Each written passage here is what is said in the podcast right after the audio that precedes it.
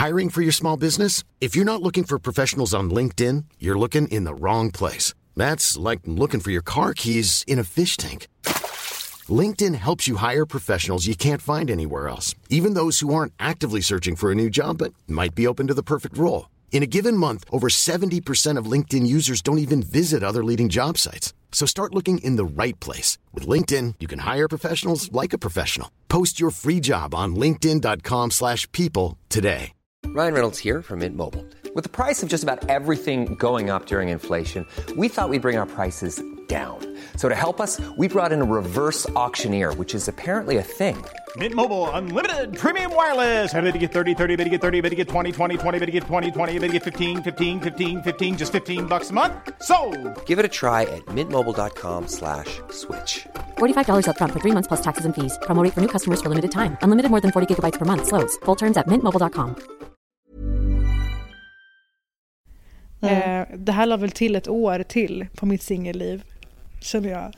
Det här avsnittet. Eller, eller så funkar det så att de som har parrelationer eh, tänker så här, oj, oj, jag är i alla fall inte ihop med Dogge Doggelito. Varmt välkomna till Britta och Parisas podcast. Detta är avsnitt 68. Varje vecka tar vi upp det mest brännande inom populärkultur eller debatter och denna vecka är vi inte sämre. Men vi går ju loss och tipsar om saker ni inte får missa eller med fördel kan missa. Särskilt så här i karantäntider när du bara behöver någonting att knarka. Och jag kommer att gå igenom lyteskomik som det verkar som att alla har knarkat just. Jag kommer också överväga att starta en sekt. Det kanske kommer. Och apropå sekt så kommer jag den här gången gå igenom Unorthodox. Äntligen! Det blir en gammal god reality-runda där vi går igenom allas fascination just nu och Sveriges eventuellt absolut sämsta par. Varmt välkomna!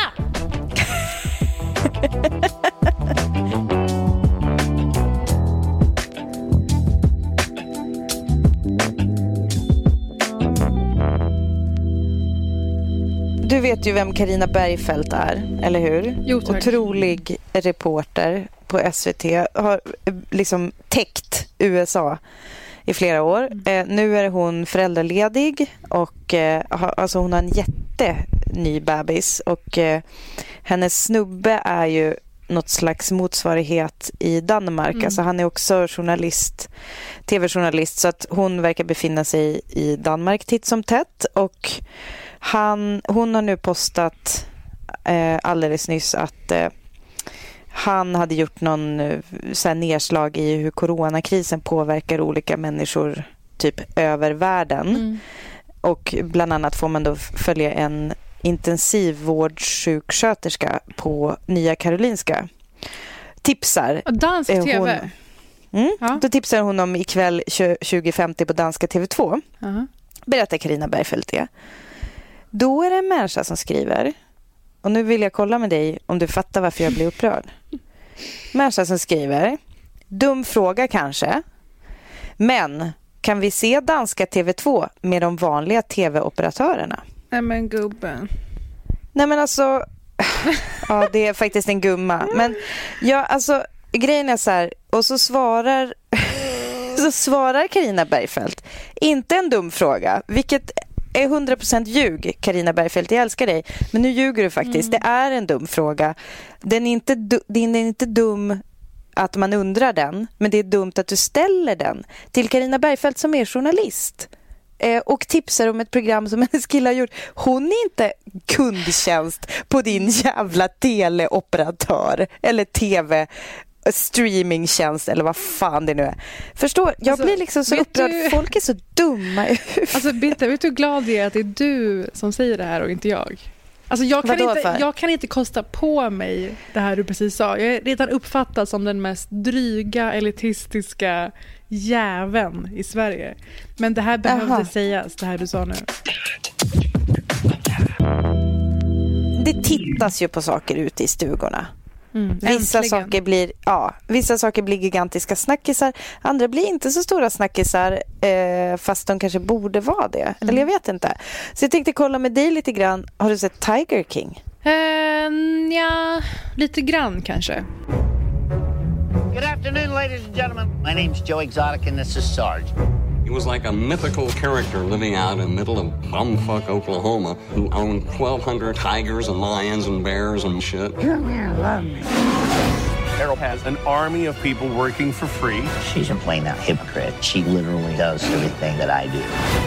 So Joe says, will you go to Florida and what? Kill that fucking lady. What a story! I mean, jag fattar, alltså, jag, jag är typ lite så här, jag, fattar inte riktigt eh, storheten kanske. Jag tror att det är ganska långt ifrån vårt vanliga tittarmönster, Britta. Jo, Eh, absolut. Men mm. det som är roligt, alltså så här, Tiger King handlar då, alltså för det, i, i den händelse att någon av våra lyssnare inte har sett, men jag tror typ att hela Sverige har sett vid det här laget. Ehm, så det handlar det ju om, eh, det börjar handla om i alla fall eh, en människa som har en eh, rovdjursfarm, kan man säga så? Jo, tack. det gillar ordet i alla fall. Ehm, och eh, en väldigt excentrisk människa eh, som utöver att samla på tigrar och föda upp och eh, hålla på så har han även eh, en countrykarriär vilken är liksom helt otrolig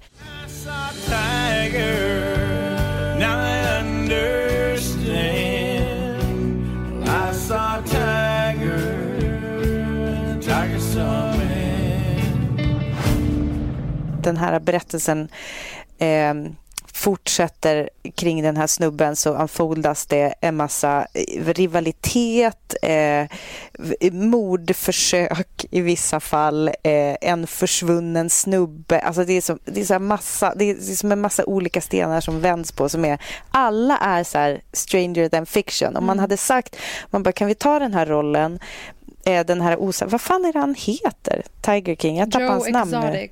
Joe Exotic. Eh, om man skulle ha bara tagit honom och så bara, ah, han är så här, typ älskar tigrar. Vi gör honom gay och så bara, ah, okej, det hade varit okej. Vi, gör, vi ger honom en country, att han så här, skriver countrylåtar och spelar in egna, egna videos. Bara, ah, där börjar man känna så här, fan det är typ, det är för knäppt. Ingen skulle ju vara så i verkligheten.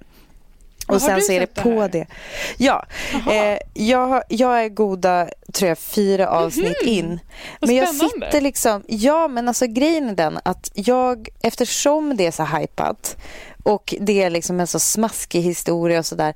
Men det är någonting som gör att jag inte riktigt, jag känner det liksom Mm. inte riktigt. Förstår du? Alltså jag är inte, jag, det, det, det är som att det är typ för overkligt. Det kanske är för out there. Hade det underlättat om Joe Exotic brukade vara copywriter? Mm. Alltså så att det hade kunnat vara en, någonting som jag kunde förstå. eller? Eller identifiera dig mer närmare. Nu kanske det är för avlägset. Nej, men det är mer typ att... Jag tror att det är, bara, det är så jävla tossig historia. Okej, men nu måste vi prata om det här. Jag hade nämligen tänkt eh, lura in dig i ett prat om den här serien, eller fenomenet snarare. För Aha. det har ju nått nivån där det är liksom allmänt känt vad som händer. Även om man inte har sett det på något sätt. Och jag hade tänkt lura in dig genom att säga ja men det är en serie som utspelar sig utanför storstan på en gård där det arbetas och levs med levande djur. En serie som följer skötseln och intrigerna som följer. Det låter ju misstänkt likt en serie som hade premiär på SVT förra veckan. Som heter Hjälp, vi har köpt en bondgård. Eller? Ja. Kolla bara på Rob Lowe, alltså känd från för oss Parks and Rec. Eh, han lägger upp bilder där han iklär sig Joe Exotic-stilen. Hur lätt för er att sätta... Alltså ni har ju redan en, en man med cowboyhatt. Bara Ja, sant. lite som ringar i Kalles öron och Ja, eh, ja. Du menar bara att vi ska typ göra en, en photoshoot eller en något sånt där? rolig bild av den tragiska idioten Joe Exotic. Ja. Men kudos att ni inte ännu red på den vågen, eller? Men då tänker jag ta det som att du menar att egentligen anledningen varför jag typ inte är så lika uppslukad av det här är för att det är too close to home, eller? Raka motsatsen till vår Jag tidigare bara, teori. och, så här, och han har en massa djur Det Mm. handlar om massa djurbebisar som får, folk får komma och heja på. Vad fan är grejen med det? Men det, här, Det er, finns vapen, vad är grejen med det? er, er variant, istället för tigerbebisarna, är ju de här lammen. Att liksom Kalle sitter med hockeyfrilla med lammen i soffan hemma. Och att ni Mm. skulle ha en merch, en gift shop, vilket jag tycker att ni ska ha sen när gården blir liksom som ett zoo i princip. Alltså jag såg en bild på en av våra eh, vänner som har varit här på armlängds avstånd och tittat på hundvalpar. Eh, och eh, jag insåg att det här, alltså när män gullar med hundvalpar, eh, det kan bli en kalender. Så det kanske till ett välgörande ändamål så kanske vi borde helt enkelt trycka upp lite merch. Det är roligt. Men apropå Tiger King, jag vill bara säga två grejer apropå det. Det ena är att eh, det är ett lysande tillfälle att tipsa om att i alla fall vår favoritpodd är tillbaka. Still Processing. Åh, ja. Varit borta så länge. Jag vet. Det är som New York Times kulturskribenter Jenna och Wesley som är allt man vill med sitt yrkesliv. De är så liksom rappa, bjussiga, underhållande genier. Och de hade en sak att säga om den här serien som satt i ett bakhuvud, satt som en spik i mitt bakhuvud när jag eh, kollade på den här, det lilla jag har sett. White people are the only ones who get to have fun while committing crimes. They're the only ones that get to document it, make a reality show out of it, and we can't get enough. We love it. Ja, men vilket är sant. För Ja, att sant. de övar ju på att så här, mörda en meningsmotståndare med dynamit på en docka. Eh, alla vet om det. Och sen pratar de om Breaking Bad, Sopranos, alltså alla de här. Det är fler exempel. Det är jätterolig spaning och i stort hela avsnittet är jättebra. Gud vad bra. En grej som jag gillar med Still Processing är ju att de är ju väldigt, väldigt kunniga och proffsiga kulturskribenter på New York Times. Men de är också, alltså Jen är ju som ganska flippad. Hon är ju ganska så spiritual och typ mycket med self-care och typ oj mina ascendenter står i linje nu eller det är så astrologi och hej och hå. Så att det är liksom, och Wesley också så här, de är också väldigt mycket där med sina personer. Ja. Eh, personligheter, alltså trots att de är så superproffsiga journalister också. Så jag tycker det är en sån himla kul dynamik. Eh, och så verkar de gilla varandra väldigt mycket också. Så det är fruktansvärt eh, bra podd. Ja. Den tycker jag alla ska lyssna på. Men jag måste fråga, såg du den här, det här eftersnacket de har gjort till serien? Nej, det har jag inte sett än. Jag har, jag har inte hunnit igenom hela serien än. För jag valde att bara se, alltså scrolla Ja. igenom första avsnittet och kände Ja, och att jag ganska såg snabbt fattade vad det var. Så det här är outsider-tv, Det- jag bryr mig inte om det. Förlåt, nu sa du ju vad det var. Alltså det är det som det är. Det som det är. Alltså, för du menar outsiders som ett tv-program som Mhm. är så här, kolla vad tossiga de här är. Ja. Ja, men det är precis, det är väl det som jag stör mig på. Ja, jag orkar inte med det. Det är för mycket lyteskomik. Ja. Eh, och Tiger King and I, det leds av, eh, i alla fall min favorit, gissar din också, Joel McHale.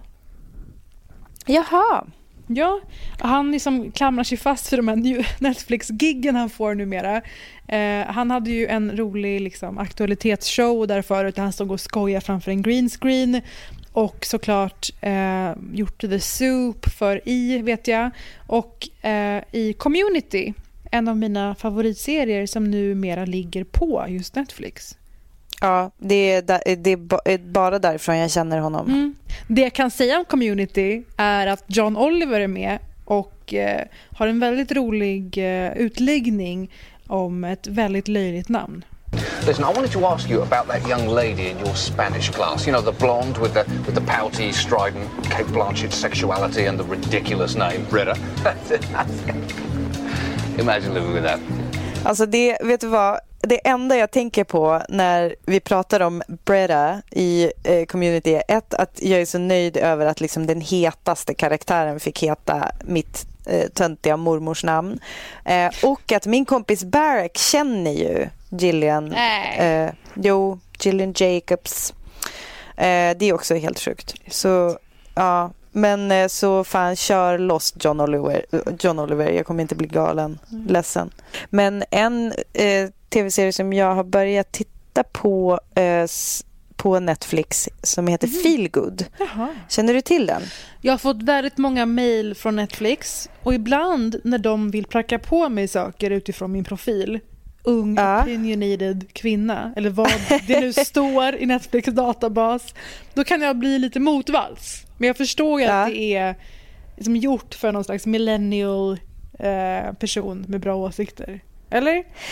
Nej, men alltså, vet du vad det är? Och jag vet inte om, om jag jobbade på Netflix PR-avdelning så skulle jag trycka där jag vet att du eh, eller vad ska man säga? Där Eh, jag tycker om att bli trycken på. Nej, exakt. Med, nämligen, nämligen med på knappen Lisa Kudrow. Men gud. Eh, Lisa Kudrow dyker Vänta, upp i Hur kan en det här ha roll. undgått mig? Alla Jag mejl! vet. Jag vet. Det är helt sjukt. Jävla dålig, dåligt skött jobb, vem det nu är som har försökt mejla dig om det här. Nej, men så här, Feel Good är komikern May Martin eh, som... Eh, alltså det är en kärlekshistoria, helt enkelt. Eh, hon träffar en tjej som aldrig tidigare har haft en flickvän. Eh, och eh, Lisa Kudrow spelar May Martins mamma. Och de har sånt jävla bra G ihop. Jag har bara sett, alltså jag har inte sett jättemycket av serien. Men jag har sett tillräckligt för att eh, känna att jag tycker så fruktansvärt mycket om liksom vissa bitar av den. Jag, har, liksom, jag får återkomma vad jag tycker om serien som helhet. Men jag tycker absolut att den är värd att eh, starta en stream på den. I'm seeing someone. Well, I can't believe I'm actually saying those words. I feel like I'm like shaky and sweaty, and I feel like if you're not holding me, then I'm just I'm just gonna float away. Now, May, your father and I want to know if you found a new Narcotics Anonymous Uh, meeting. A what meeting? A what meeting? Men du, vet du? Jag, jag känner typ nu, jag bara fan har jag lite ont i halsen. Första gången på typ, är det sex veckor nu som vi håller på med det här? Vem skulle du ha fått smitta av egentligen? Eh, the Milkman. Gödsel-Göran. Heter han Gödsel-Göran också? Kalle döper ju alla till, alltså det är så jävla, jag tänkte på det, det är så jävla gulligt och roligt men det är också jobbigt för dem som blir drabbade av det för att, att Gödsel-Göran heter Gödsel-Göran för oss, det är ju en grej. Men för sig själv, alltså om man tänker att man skulle komma någonstans och se det så här, vi kallar dig för Gödsel-Göran för du kom med gödslet. Ja. alltså det är inte så jävla kul. Jo, men han, alltså den, eh, han ser ju fram emot att få den eh, plåten, säger man så? I tv-serien Nej men alltså, nej, men alltså ja, ja, ja, i tv-serien. Nej men vi, fick inte fil- vi får inte filma honom. Han tycker inte om, han tycker inte om tv. Ja. Integritet gör han, men det bryter ju Integritet. alliterationen tyvärr. Ja, synd. Nej, gödsel. Men alltså, är ni, är ni översköljda av folk som hetsar om säsong två också förresten? Eh, Ja, det händer. Men vet du vad som har hänt också? Folk hör av sig och vill komma och jobba på gården. Vilket jag tycker är alltså lite speciellt. Eftersom jag skulle... Alltså förstår du? Det är som att... eh, Är inte det, kan ju lite obekvämt? Vil- det kan ju vara vilket psyk som helst. Ja, Jag- ja. jag Det, kan det säga är det jag tänker. Ja. Ja, men exakt. Alltså, det är det jag tänker. Alltså, vi, va, hur, hur är det fatt när man erbjuder en sån sak? Nej, och sen det tänker jag är så här, nej men gud, det är jag ju för norrländsk för det här. Det här är ju början på en sekt. Att folk bara dyker upp Ja, ja. och vill göra allt för er och ni blir liksom så vana vid att så här, ah, men fine, så här, kom, gör vad vi, vad vi vill.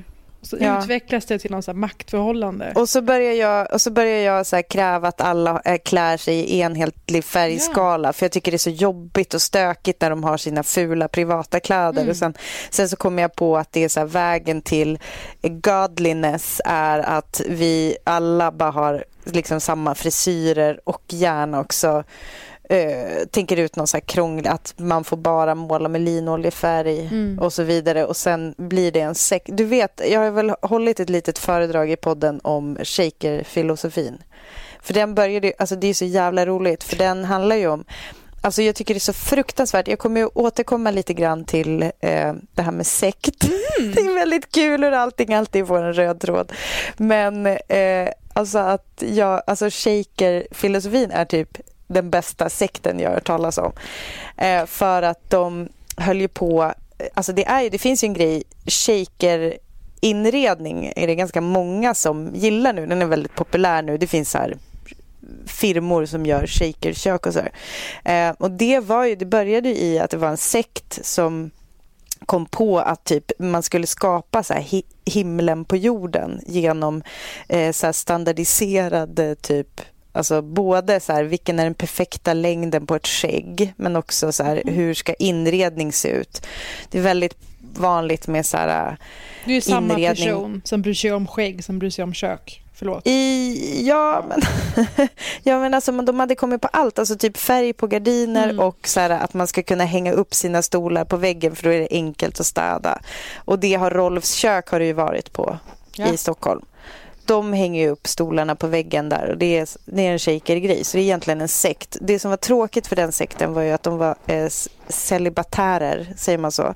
Så de dog ut. Alltså, Svintråkigt typ... för dem. Ja, så det var lite tråkigt, men snygg inredning. Okay, men jag har också en, eh, en tv-serie tryckt i reality-genren. Om vi, om vi ska benämna Tiger King som reality, det måste mm. det vara. Eh, mm. Det är nämligen tvåsamhetens högborg TV4 och deras tillsammans med Strömstedts. Oj, oj, oj, oj, oj, oj, oj. Åh, jag älskar... Gud, jag fick rys nu. Jag har sett, eh, jag har sett lite av det. Mm. Det är så TV4s översta prästinna, som jag kallar henne, Jenny Strömstedt och hennes eh, alltså snubbe. Alltså på ett bra sätt? Ja. Ja. Och hennes snubbe Niklas drar ut till sina kändiskompisar och bekanta. Eh, men vad tycker du om programmet? Ja, men så här, jag tycker att programmet är en jätte jättebra idé. Jag tycker det är, jag som är i en parrelation tänker mycket på den här typen av saker. Jag tror också att folk som inte är i en parrelation också kan vara intresserade just oh, ja. för att vad fan liksom hände i min förra relation eller vad liksom vad är det med mig som, vad behöver jag hos en annan och så vidare. Jag tror det är väldigt relevant för många. Men jag tror inte att det är ett tv-program egentligen. Mm. Därför att Därför att den här typen av samtal behöver inte eh, den där lite oj oj oj så här, vi har hittat på att ni ska slå upp ett tält och bo där och ni måste göra det på tid och ni måste hjälpas åt eller vi, nu ska vi gå på en hike som du sa eller så här, så vi får lite tid ifrån varandra så vi kan prata lite one on one mm. så här. Mm.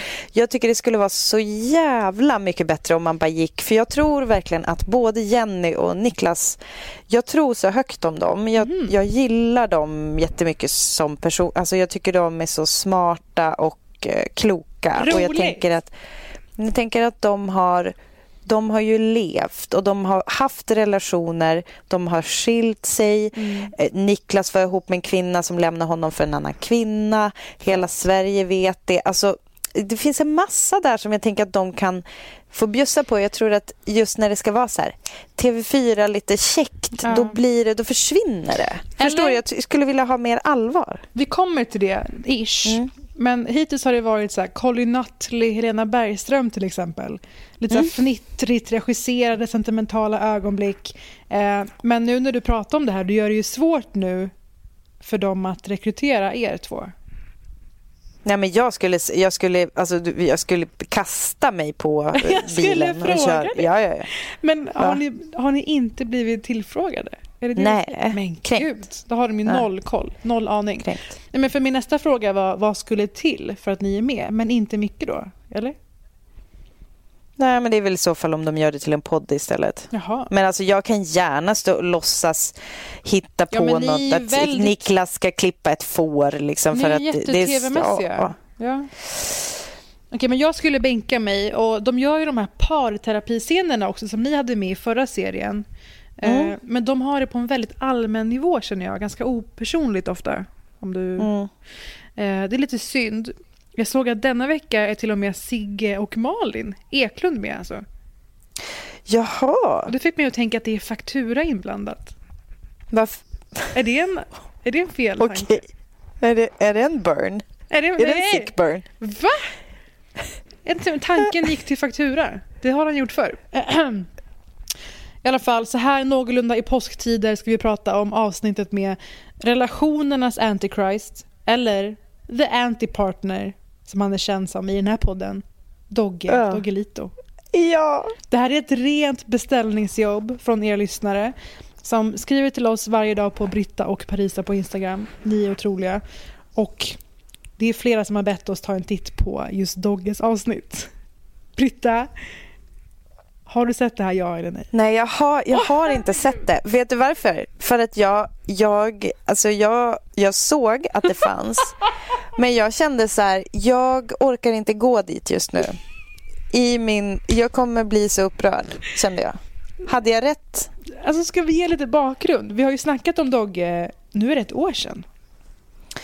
Det, var Det är ett gott år sedan. Ja. Nytillkomna lyssnare, då kan vi dra en liten recap. Jag lyssnade på en P1-serie som heter Katarina har möter och då mötte hon Dogge Doggelito och skulle prata med honom om föräldraskap. Det visade sig att han ville väldigt lite prata om föräldraskap och mer kanske om sig själv och hur synd det var om honom i olika situationer där han råkat ut för eh, till exempel att hans fru skulle föda barn och det var jobbigt för honom att komma till sjukhuset för han är rädd för sjukhus och så vidare. En lite kort recap så får man gissa vad jag tyckte om det. Dessutom om den här kvinnans bortgång och hur han Ja. hanterade det. Det var inte samma kvinna men absolut. Mhm. Ja. Eh, nej, men det här är från avsnitt 14, vilket är ett av de me- mer intensiva i poddens historia, som heter Leaving Neverland och Skavlanskavet. Och där nämner jag lite i förbifarten, vilket låter helt sinnessjukt nu, eh, en gammal fadäs med en gammal trä- idrottstränare till mig. Och så ja, vidare. Fadäs är ju en underdrift men absolut. Han, Ja. han förgrep sig på mig. Det är Mm. länge sedan, jag kan säga det. I alla fall. Eh, och jag kommer ihåg att vi fick ganska mycket skit för den diskussionen. För den om Dogge. Ja. Ja. Folk sympatiserade med honom, vilket jag tycker säger mycket om det här, Folk. ja, men det här syndromet. Ja. Som man måste det. Medberoendet. Ja. Eh, så Jenny och Niklas kör ut till Alby och spelen kan börja. Ja, absolut. Hej. Hej, en kram också. Hej. Jag har inte träffat dig på hundra år. Tja, läget är bra. Välkommen, välkommen. Gud vad mysigt det är här. Från start är det ganska uppenbart att ingången kommer vara att Dogge och hans tjej, jag vill säga dåvarande, kanske nuvarande tjej Claudia, de är särbos. Hon bor i Uppsala med barn, han bor i Alby med barn och de har haft det lite on-off, milt sagt. Eh, det känns nästan fel att titta på. Så är det. Alltså är det, är det en tågolycka alltså? Ah, det är så uppenbart kass stämning. Och Åh herregud. Och Jenny och Niklas, spring därifrån. Smutsa inte ner era rena känslor och tankar med den där skiten. Och då minns jag gångerna i mitt liv när jag har umgåtts med ett annat par. Antingen att jag har varit i ett par eller att jag har bara varit runt ett par. Du vet, slutspurten av deras relation. Ja. Förstår du vad jag menar? Eh, stämningen. Ja, ja, ja, ja. Men jag kan också känna typ att jag är lite skyldig till det ibland. Alltså om jag och Kalle typ har bråkat, Mm. vilket vi ju ändå gör ganska ofta. Och så kanske det kommer någon på besök som var inplanerat så länge. Mm. Och så försöker man liksom, då ser det som att stämningen är där fortfarande. Men det här är socialt ansvar Fast kickar liksom... in. Eh, och eh, jag minns ett väldigt speciell, en, väldigt specifik parmiddag där det här paret, jag tror att de, det hade blivit så normaliserat att förakta varandra så öppet och djupt. Åh, att de inte ens skämdes inför oss, det var bara helt öppet. Men Och- fy fan, men du, jag... Okej, det, där, det där här öppnar en annan grej. Jo, jag. Nej men alltså jag... Alltså men, det finns ju vissa par som har som en jargong Mm. att göra ner varandra inför andra. Jag är emot. Jag vill bara säga det. En parmiddag jag var på, de är fortfarande ihop. Då var det sån här stämning att jag och min dåvarande så sköt blickar emellan oss. Och du vet, hemma sen, man säger till varandra, så där ska vi aldrig bli. Klipp Exakt. till. Blev det. Klipp till! Eh, så jag ser det här avsnittet av Strömstedt tillsammans och antingen ser det slutspurten eller ser det det limbot som Dogge och Claudia kommer befinna sig i. Oavsett så finns mycket att lära här. Det är den här grejen där liksom aggressionen är så nära hela tiden. Eh, passivt, passivt aggressiva kommentarer flyger. Fan. Det tjafsas om till exempel att Claudia hatar ju lök. Hur fan kan inte Dogge ha koll på det? Kan du göra den här äggröran?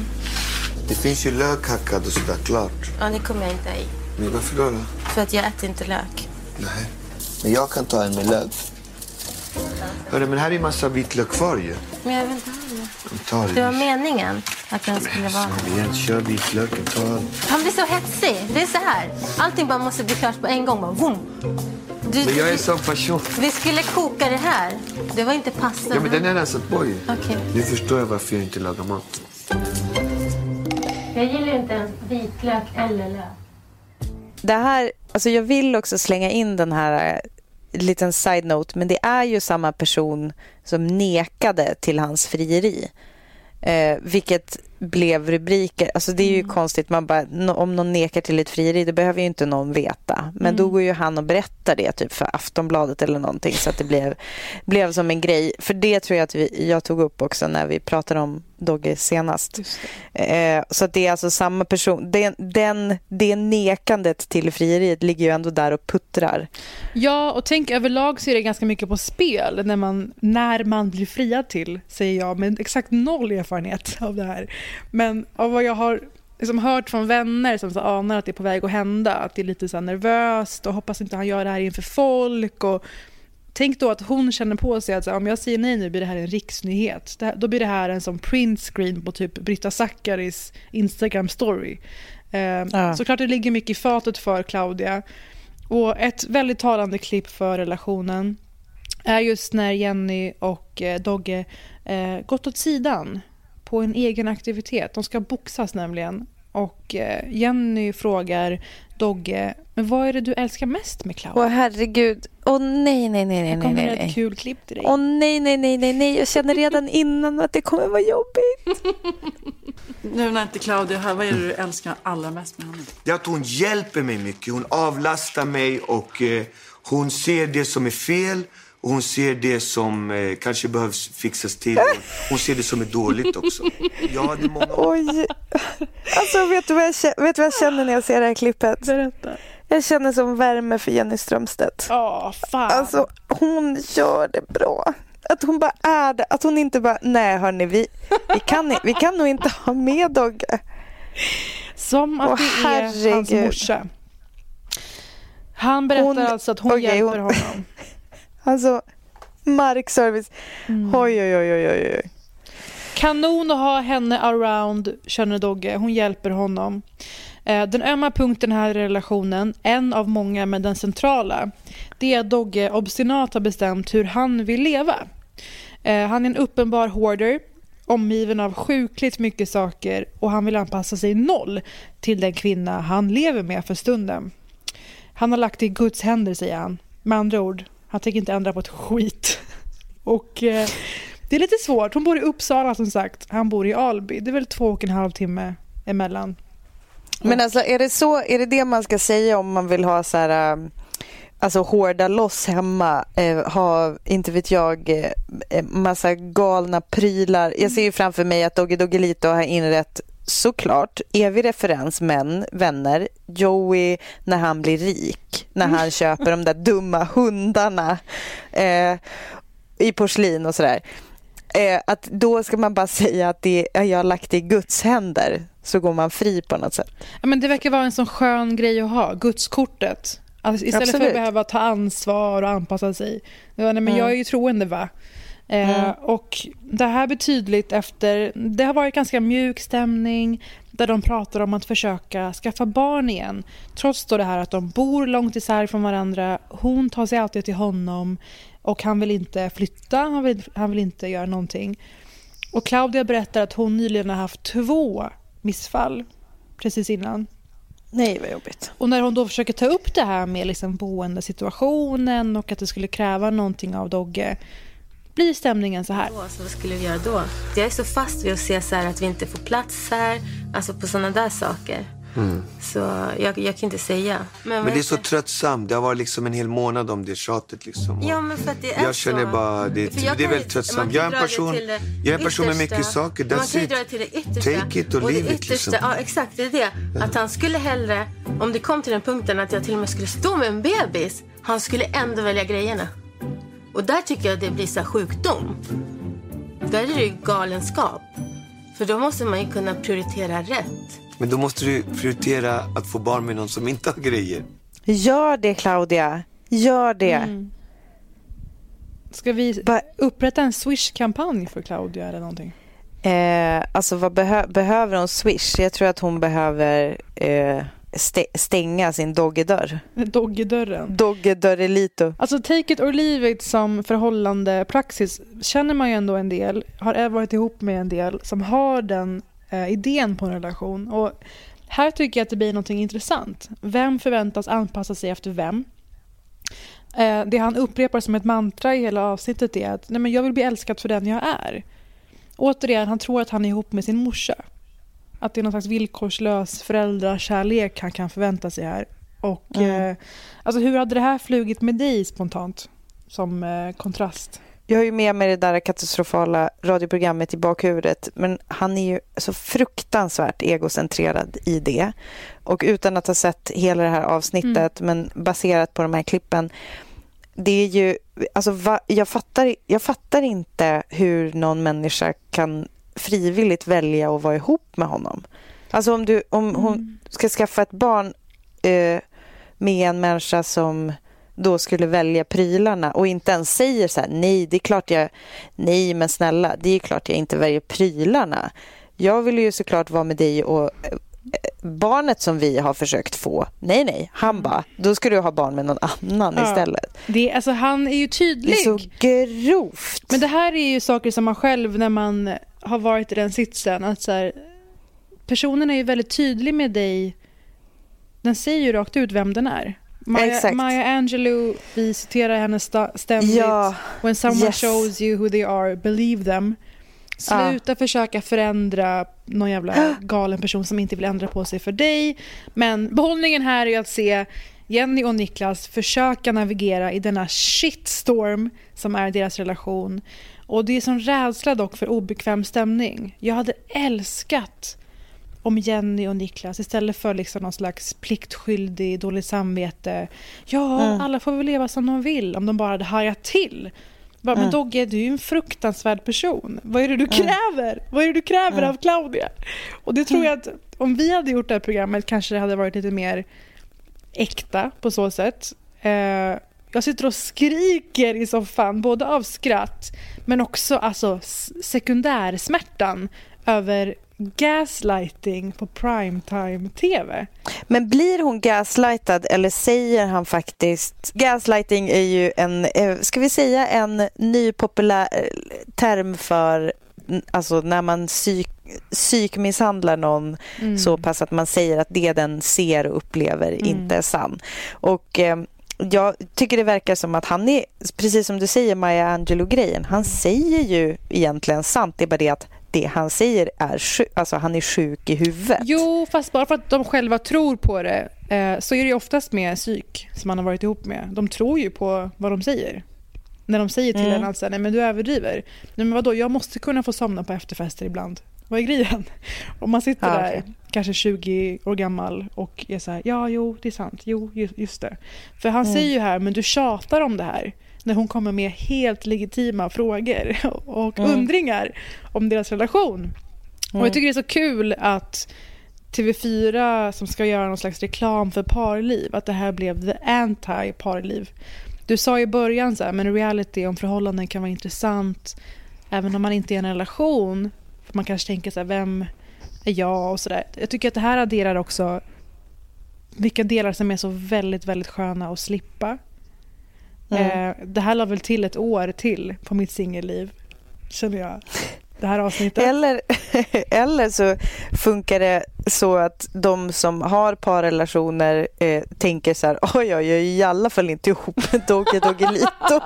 Bäst att hålla hårt i den här halvsopan som Just jag är ihop med. Nästa års The Bachelor, Dogge Doggelito. Hoppas ni som ville ha den här reality-rundan har fått det ni ville ha. Så många har DMat oss och frågat när vi ska prata om unorthodox. Och sanningen är ju den att jag gjorde det i förra avsnittet, bara det att jag hade så kast ljud på min mick. Så att eh, det gick typ inte att lyssna på. Men själv Självklart så klämde jag Unorthodox eh, Netflix-serien. Yes. Baserad på en självbiografi av Deborah Feldman. Mm. Född 1986. Inte helt oviktigt. Eh, som i 20-årsåldern lämnade den chassidiska gruppen Satmar i, som har sitt säte eller sin community i Williamsburg, New York. You escaped, didn't you? You make it sound like I was in prison. Weren't you? No, but I left without telling anyone. Why did you leave? God expected too much of me. Som jag tror att jag tjatat hål i huvudet på de flesta lyssnare så har jag då bott en sommar i Williamsburg i Brooklyn. Du så jag pratar har... ofta om hur det är i New York och sådär. Nej, men jag... Också så helt fel Alltså- person att dela ut den burnen. Alltså, alltså jag bara, alltså gud, om jag inte får min bagel från eh, Avenue 6 eller som jag kallar den, Avenida de las Americas. Nej men alltså faktiskt så eh, är det faktiskt så att jag gjorde det och vi hyrde ju lägenhet av en, eller de som jag liksom knödde in mig hos. Det var absolut inte jag som hyrde lägenhet men min dåvarande pojkvän och hans kompisar eh, hyrde av en chassidisk eh, Mr Lieberman. Mhm. Och eh, det fanns ett Matsobal Bakery i källaren visade sig sen och hela den byggnaden brann för inte så länge för, på grund av nämnda bageri. För det var absolut inte godkänt av brandskyddsmyndigheten. Eh, men grejen är så att jag har liksom ganska så nära upplevt eh, stämningen och jag har också i många år hållit en reportagebok närmast hjärtat som heter Okej, amen. Och den har ju du också läst, eller hur? Ja, av någon sjuk anledning. Ramla över på bibblan. Ja, Brådbogen. av Nina Solomin. Ja, okej, men, men du menar, du har läst den bara en gång, eller? Bara en gång. Ja, Ja. för jag har ju läst den typ ett tusen gånger och jag har också samlat på mig utgåvor när jag hittar dem för att den är nämligen slut hos förlaget. Mm. Eh, Nina Solomon skriver i den här boken väldigt noga om deras eh, ja, men så här, traditioner, Mm. deras ritualer. Eh, alltså allt ifrån det här med att eh, gifta kvinnor rakar av sig håret Mm. och sen har peruk. Det är en väldigt speciell grej eh, för att i andra religioner så har man en slöja Mm. men de bara ah, ah, peruk, så länge det inte är mitt hår så spelar det ingen roll. Men det är avbildat till exempel i, eh, heter den I Love You New York, den med Natalie Portman. En slags eh, Ja, just. novellfilm nästan. Jag tror inte att jag har sett den, Mm. men bara läst om den. Ja, intressant. Och, eh, och det är väldigt så här, ja men typ hudfärgade strumpbyxor. Mm. Alltså det ser ju ut som ben fast så här, det är inte min hud. Det är hudfärgad strumpbyxa så can't touch this typ. Jag tycker att det är så här, det är som väldigt ro, vissa grejer är så väldigt roliga och kluriga. Och sen så finns det ju det här med att typ när en kvinna har mens så får hon inte ens räcka föremål direkt till en man utan hon måste liksom ställa ner det på bordet för hon är så smutsig och sådär. Men som man kan ana så ligger maktkoncentrationen hos män i det här communityt. är helt enkelt Ja. som vi säger mellan raderna. Och, Mm. alltså, jag är jättefascinerad av ultraortodoxa judar. Också från att ha eh, levt nära inpå dem, som du beskriver. Eh, men också för att jag är ju väldigt intresserad av att bredda hedersbegreppet. Mm. Det är något som man oftast slänger sig med, framförallt när det gäller hårdföra muslimer. Enbart nästan. Och då Mm. är ju den här unorthodox superintressant och relevant, tycker jag. Verkligen. Eh, och eh, det som händer då i serien är att vi får träffa Esti som dels i realtid då flyr mot ett friare liv. Eh, hon lämnar denna community. Det händer det ser man till och med på affischen eller vad vi ska kalla det. Eh, så det- är nog ingen fara för spoiler. Eh, men sen så får vi genom tidsklipp tillbaka och se hur hon har haft det när hon växte upp. Ja, vad det är som, är, som har lett fram till det här. Det är en så här klassisk typ bryta sig loss från eh, sekten historia. Jag får ganska mycket så här eh, lik liknelser eller vad man ska säga, associationer till eh, Educated som mm. jag ju älskade den här boken som Tara Westover har skrivit. Läs den om ni inte redan läst. Eh, ni Men kommer Tara, inte ångra er. Tara lämnar ju, är det mormon? Eh, ja, alltså Tara Alltså Tara lämnar ju framför allt sin familj som är mm. helt sjuk. Alltså, det, de har väl som en e, lite egensnickrad... Eh, det är en väldigt, väldigt liten community där hennes, mest hennes farsa som typ eh, tvingar barnen att inte vara en del av samhället, inte mm. gå i skolan och så vidare. Eh, jo, men någon slags mormon, något kristet är det. Mm. Eh, men det som är speciellt med eh, chassiderna är ju att de, har ju som, de lever i, och det som jag tycker är så fascinerande också, det är att de lever i New York som är alltså, liksom världens huvudstad. Det, det finns, eh, alltså det, det, det, är en smält degel av mm. olika kulturer. Eh, det finns... Eh, förlåt, det här, det låter så jävla töntigt att säga så här, det finns så mycket kulturer, det finns, eh, allt finns där, men det gör ju verkligen det. Och så lever de det mest avskärmade livet, liksom mm. mitt, som en liten cell mitt i allt det där. Ja, för de måste ju eh, vägra sig eller vägras allt vad modernt levande heter. Eh, och då är ju det gå i skola med folk som inte är troende som de är, helt förbjudet. På, på något sätt alls väl eh, har någonting att göra med folk som inte är ja. Eller för du hade väl råkat på det här first hand? Ja, men alltså jag, jag levde ju mitt i det här. Alltså alla butiker eftersom jag bodde liksom mitt i de chassidiska kvarteren i Williamsburg så var ju alla butiker runt omkring, de närmaste var ju eh, korserbutiker, mm. chassidiska butiker och där var det ju alltså, där var det ju ändå människor som jobbade i en butik så de var ju lite mer så service-minded än mm. vad kanske den vanliga chassiden var. Men verkligen så här kasta eh, ens var, alltså kasta liksom växeln på disken istället för att ge den i handen. Eh, titta en inte i ögonen som som eh, smutsig kvinna, eh, bytte sida av vägen. Alltså det är väldigt mm. mycket så här, man får inte gå, typ två män får inte gå med en kvinna mellan sig och så där. Det finns en massa regler. Det blev väldigt tydligt också för att först gick man igenom latinokvarteren där det var en helt annan stämning mm. när man går typ sommarklädd på trottoaren. Eh, männens reaktioner jämfört med när man då går över mm. Metropolitan Avenue, eller nej, Broadway är det, som, som markerar så här, ny, nytt område och då kastar sig männen på andra sidan gatan istället för att slippa gå förbi en. Så det är så jävla jävla tydligt. Och en kompis till mig, jag vet inte om jag berättat den här historien, men att han blev inropad i ett hus för att slå på AC'n. Har jag sagt det här?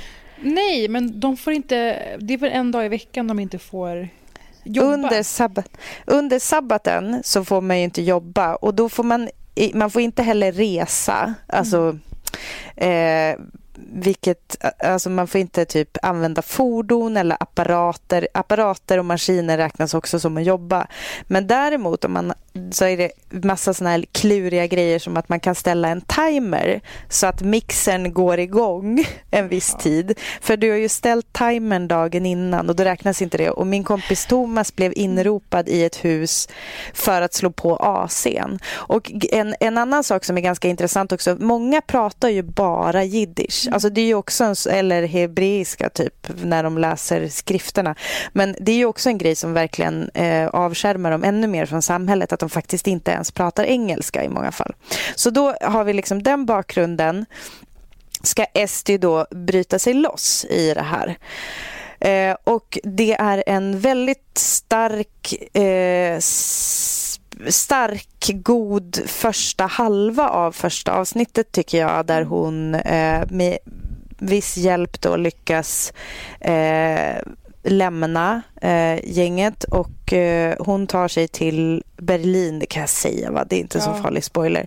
Och det är en väldigt, väldigt eh, tydlig och fin scen när hon tar av sig sin peruk eh, och eh, badar utomhus, vilket ju också är så här så jävla unheard of. Alltså hon har nog aldrig gjort det förut i mm. sitt liv. Tagit av sig sina strumpbyxor på en offentlig plats och eh, liksom badar, tar av sig peruken så att alla kan se. Och det är fruktansvärt starkt och jag blir väldigt gripen. Mm. Men därifrån tycker jag typ att det bara är downhill. Och grejen, grejen är, alltså inte bara downhill, alltså det är en väldigt, väldigt sevärd serie. Men det som jag känner som då har läst mycket och jag har liksom också jag har läst intervjuer med eh, Deborah Feldman. Eh, alltså det är en så jävla massiv grej att lämna den här communityn. Det är ju inte bara eh, liksom att ah, vi typ hänger med varandra och har våran tro utan det är ju så här eh, till och med folk som har lämnat deras syskon kan då få typ repercussions av att de är så släkt med någon. Alltså då kan det bli så att de inte blir gifta. Mm. Um, och det finns, eh, det finns ett sånt massivt, alltså hela ens typ sociala nätverk, särskilt i ett sånt samhälle som USA där man inte har så här sjukvårdsförsäkring. Då betyder det ganska mycket att eh, din församling typ tar hand om if dig ifall du skulle bli sjuk eller betalar din sjukhusräkning eh, eh och så vidare. Och jag tycker att det är det som är så speciellt eh, med varför det intresserar mig så mycket är just att det är så svårt att lämna en sån, ett sånt samhälle, inte bara rent praktiskt utan framför allt psykiskt. Mm. Alltså när du har vuxit upp och lärt dig att allting annat är hotfullt. Eh, om du äter mat som inte är kosher så kommer du sprängas. Eller, alltså det är så många eh, Eh, sådana här grejer. Du har ju typ, alltså man pratar ju typ inte över könsgränserna eller vad man ska säga. Kvinnor får inte sjunga för de har för vackra röster. Och då tycker jag att det är så märkligt. Jag saknar så himla mycket pusselbitar i mm. Estis historia. Alltså hur är det att om du aldrig, om männen tittar, aldrig har tittat dig i ögonen, hur fan är det då hur börjar du då prata med en snubbe bara på ett café? Jag tycker att det är det som är mest eh, rörande och gripande med den här serien. Och det hör ju bra ihop med snacket om Dogge och Claudia. Vi ska inte ge oss in allt för mycket i deras liksom, privata, faktiska angelägenheter. Men att det faktiskt nyanserar, det serien ändå lyckas med. Att det lyckas nyansera och visa hur fruktansvärt komplext det är att lämna. Och I det här fallet så är det en eh, väldigt hård för eh, religion och community. Eh, I någon, I någon annans fall så kan det vara en relation. Och mm. Det är ju det att eh, som, som jag som har vuxit upp i Stockholm och blivit berättad för hela mitt liv att the world is my oyster i princip. Att jag är kapabel till att göra vad som helst och får göra vad som helst. Till och med jag kämpar med the day to day av att leva upp till det här. Jag känner mig inte kapabel nog att leva upp till det här och eh, deala med allt vad eh, motstånd heter. Och när man ser då Esty behöva börja mm. möta det motståndet, det konstanta motståndet som är att leva i den moderna världen och hur ensamt mm. det är och hur eh, fruktansvärt konflikttätt det är. Hon Jael hon möter i Berlin i det här knasgänget mm. eh, till exempel. Att möta en sån person det första man gör först då, så hudlös och oförberedd. Eh, som måste motsvara liksom den taskiga på mellanstadiet. Mm. Man, man, fick ju den läxan då på något sätt. Mm. Och det tycker jag är väldigt eh, välgjort och starkt och tankeväckande. Men eh, jag vet ju att du också har åsikter om eh, just gänget i Berlin. Ja, alltså gänget i Berlin. Alltså ursäkta mig, men jag måste alltså verkligen protestera mm. å det grövsta. Eh, sådana där gäng finns inte. De finns liksom i en, eh, en Eh, kanske en Jehovas vittnen-broschyr om vi ska dra in en annan sekt. Alltså du vet när de är så här, det är så här noga utvalt att liksom en är svart, en är gay, inte Jehovas alltså, vittnen då men flyger fortfarande, är, flyger fortfarande Benetton-referensen? Eller vad är ja, det Benetton nu? är bra. Jag vet inte, alltså Benetton har väl inte funnits på hundra år men alltså Erasmus tänker jag på, ja. alltså något så här typ internationellt utbyte eh, med, mellan eh, liksom universitet. Mm. Jag tänker att de ser ut, de har så här camperskor, vet du sådana? Alltså som, som är så här, eh, de, de bara kom vi ska på en hike typ. Vi, alltså de är så... Och, den där killen som hon typ har som en liten flört med som ser ut som Måns Zelmerlöw. Med Alltså det är så himla ögonbryn. mycket... Måns Zelmerlöw med bra Han har ögonbryn, så absolut. misstänkt välnoppade ögonbryn. Men det är liksom det är något som är så jävla skumt med det där och jag, fatt, jag fattar liksom inte ehm, jag förstår hennes längtan efter liksom ett nytt sammanhang för att det handlar ju väldigt mycket om det där att, att eh, hon har varit i en jätte eh, i och för sig Esty har i, i den där tajta gemenskapen har ju hon en lite mer så broken hem. Eh, och hon letar ju såklart efter ett nytt sammanhang att passa in i. Men det är ju någonting som är så väldigt eh, speciellt för henne just att, att gå över den gränsen och ha liksom ki- alltså killkompisar. Det, jag, jag saknar liksom den där, det där skavet med att hon ens faktiskt eh, du vet, litar på dem. Att hon vågar ge sig hän i deras eh, då tillgjort eh, öppna, härliga multikulti liksom, eh, stämning. Deras Eh, molly, mollyknaprande gemenskap. Ja men exakt och att hon ska gå på klubb helt plötsligt. Jag tog ju upp tidigare den här One of Us som är en dokumentär eh, som handlar om eh, real life eh, människor som har gjort det här och att de då eh, till, exempel en bara åh jag börjar titta på film. Att det är så här plötsligt får man se film. Oj, vad har jag missat? Och bara, du vet, catchar upp på filmer. Och jag har hört, det finns en dokumentär om någon snubbe som helt plötsligt börjar få lyssna på popmusik och då blir så besatt av Britney Spears. För det är så här, det händer, alltså sånt kan hända när man aldrig har lyssnat på musik. Då kan det verka som att Britney Spears är liksom gudasänd för att det är så bra musik.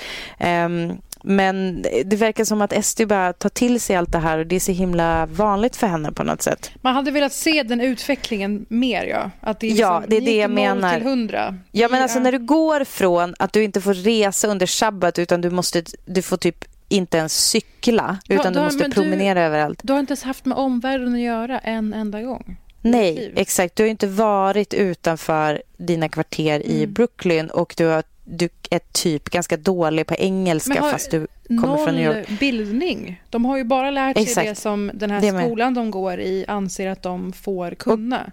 Precis, och kvinnor får inte lära sig allt heller. Men alltså grejen är också så här att eh, Nina Solomin då som jag nämnde som har skrivit den här Okej Amen som är en fantastisk bok. Hon eh, skrev en bit i Svenskan eh, om det här i Svenska Dagbladet. Och jag blev ju alltså do, jag höll ju på att smälla av när jag såg att hon hade skrivit något för jag blev så jävla peppad. Men det är tyvärr en alldeles för kort text men ehm, hon ringer in någonting som jag tror kanske är det jag saknar. Hon skriver så här när jag ser Unorthodox tänker jag på, också på den andra möjliga berättelsen som bultar under ytan, potentiellt lika kraftfull, nämligen människors längtan efter ett sammanhang, en självklar mening och en trygg plats i tillvaron. Om det är några som lämnar gemenskapen så är det minst lika många, antagligen fler, som söker sig till den. Jag tänker på de stora familjerna jag mötte, de som fungerade väl. Värmen hos dem och den självklara meningen med livet. Det var frestande för en 25-åring som sökte sin identitet. Det fick mig att precis som dem vilja ha tio barn. Många religioner och ideologier erbjuder ett existentiellt och socialt svar på den emellanåt urbesvärliga fråga som livet utgör. Vi kan inte utesluta att det istället blir den, be- den berättelse som dominerar det kommande seklet. Suget efter tillhörighet i en gemenskap som ger säkra svar och tydliga besked. Och det känns ju också som en sån här grej Alltså det där, just, jag tycker det är så jävla bra det där med så här, ty, säkra svar, tydliga besked. Det är ju, alltså, jag, jag tycker att det är så här superspännande att sätta det i så här en corona-kontext. Alltså när det blir så här, när, när världen känns osäker, orolig. Det skulle vara väldigt intressant att se hur folk för det är ju liksom en tid då folk börjar söka och försöker hitta sitta och försöker hitta sätt att kontrollera Ja, kaoset. Men så har vi så auktoritära vindar och eh, nationalistiska Absolut. vindar. Och allt fler Absolut. söker sitt hemmafru-ideal. Allt det här hänger Ja. ihop och det kommer ju med en sån otroligt kuslig timing, coronan. Ja, alltså summa summarum, Amiri, så skulle jag bara vilja föreslå ett nytryck av Okej Amen. Alltså en historia som på riktigt skildrar den utsattheten och sårbarheten men också systerskapet eller, ja, inte vet jag, familjestämningen eh, som finns där i Williamsburg. Så den ska ni leta efter på antikvariat eller inte vet jag, bokbörsen. Lycka till! Innan vi säger hej då kan vi bara eh, hojta till om vi bara kollar på allmänt för tillfället. Eh, Mm. Killing Eve är tillbaka om någon bryr sig. Eh, Mrs America är en ny serie på HBO som kollar på kvinnorörelsen på 70-talet. Och just eh, kvinnohatande kvinnor, vilket är ett Men alltså, specialämne för mig. Den är jag, den är jag superpeppad på. Den har, ju, har den inte värsta starka line-upen också? Rose Byrne spelar Gloria Steinem. Kate Blanchett spelar eh, en just sån här konservativ eh, antifeminismkvinna. Det är ett väldigt tids, eh, ja, tidsenligt ämne. Jag är svinpeppad. Känner jag. Ehm, så det kan man kolla på. Och Run, som jag vet att du är nyfiken på. Ja, men supernyfiken. Det är alltså Phoebe Waller-Bridge eh, som har eh, skrivit en, ska vi, säga, ska vi kalla det för typ thrillerkomedi? De säger ju Är det, det. så? Ja. De säger ju det. Eh, så det var inte vi som kallade det, eh, det var alla. Det handlar om att Merritt Weaver har en pakt med en kille spelad av Domhnall Gleeson. De är liksom high school sweethearts kan man säga. De har kommit överens om att om en messar den andra run så måste de, och den andra svarar, så ska de fly sina liv tillsammans. Mm. Och hon är ju då typ en småbarn, alltså hon är ju typ som jag då, så här småbarnsmorsa. som Och det bara, här visar sig. Eh, Jag har ju sett några förhandstittar på detta och eh, ja, det finns eventuellt grejer att prata om där. Det kan man kolla på på Okej. HBO. Gud vad spännande. Jag skulle vilja slå ett slag för att man kan se om serier. Eh, och eh, för vi gör ju det med jämna mellanrum. Vi, jag tror vi pratade om det i förra podden. Att Mm. man, man har så här typ 30 Rock lite på eh, repeat hela tiden. Eh, det är en väldigt bra serie. Men sen så jag är typ förvånad över att varken du eller jag har nämnt det här tidigare. Men i karantäntider så tycker jag det passar väldigt bra att titta igen om man, in, om man redan har sett, men gärna om man inte redan har sett börja. Eh, The Unbreakable Kimmy Schmidt. Som är, en fan, som är en fantastisk eh, tv-serie skapad av Tina Fey. Eh, med Ellie Kemper i en fan, alltså, otrolig roll. Jag tycker att den där huvudkaraktären är så jävla roligt skriven. Men- Eh, det är alltså... Men? Den bästa är ju Titus. Exakt. Det är Eh, otroligt.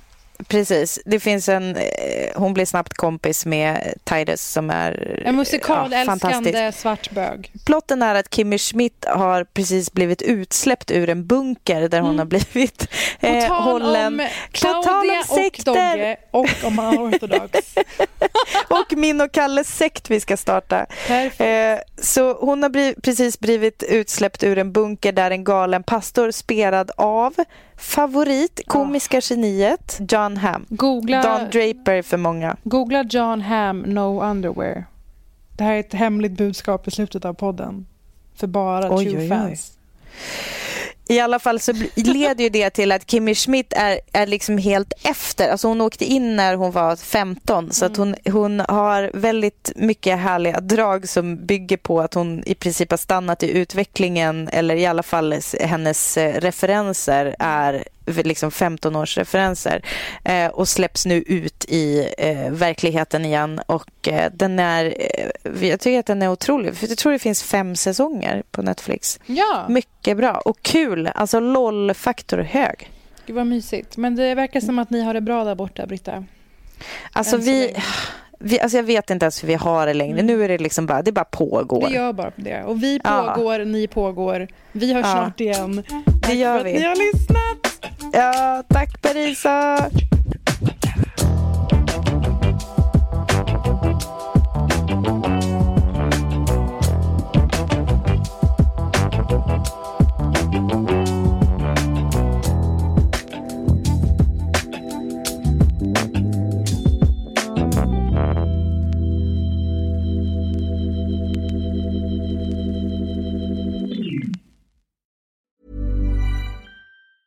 Planning for your next trip?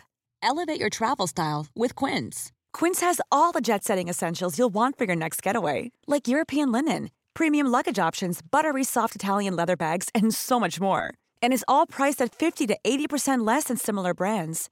Plus, Quince only works with factories that use safe and ethical manufacturing practices. Pack your bags with high-quality essentials you'll be wearing for vacations to come with Quince. Go to quince.com slash pack for free shipping and 365-day returns.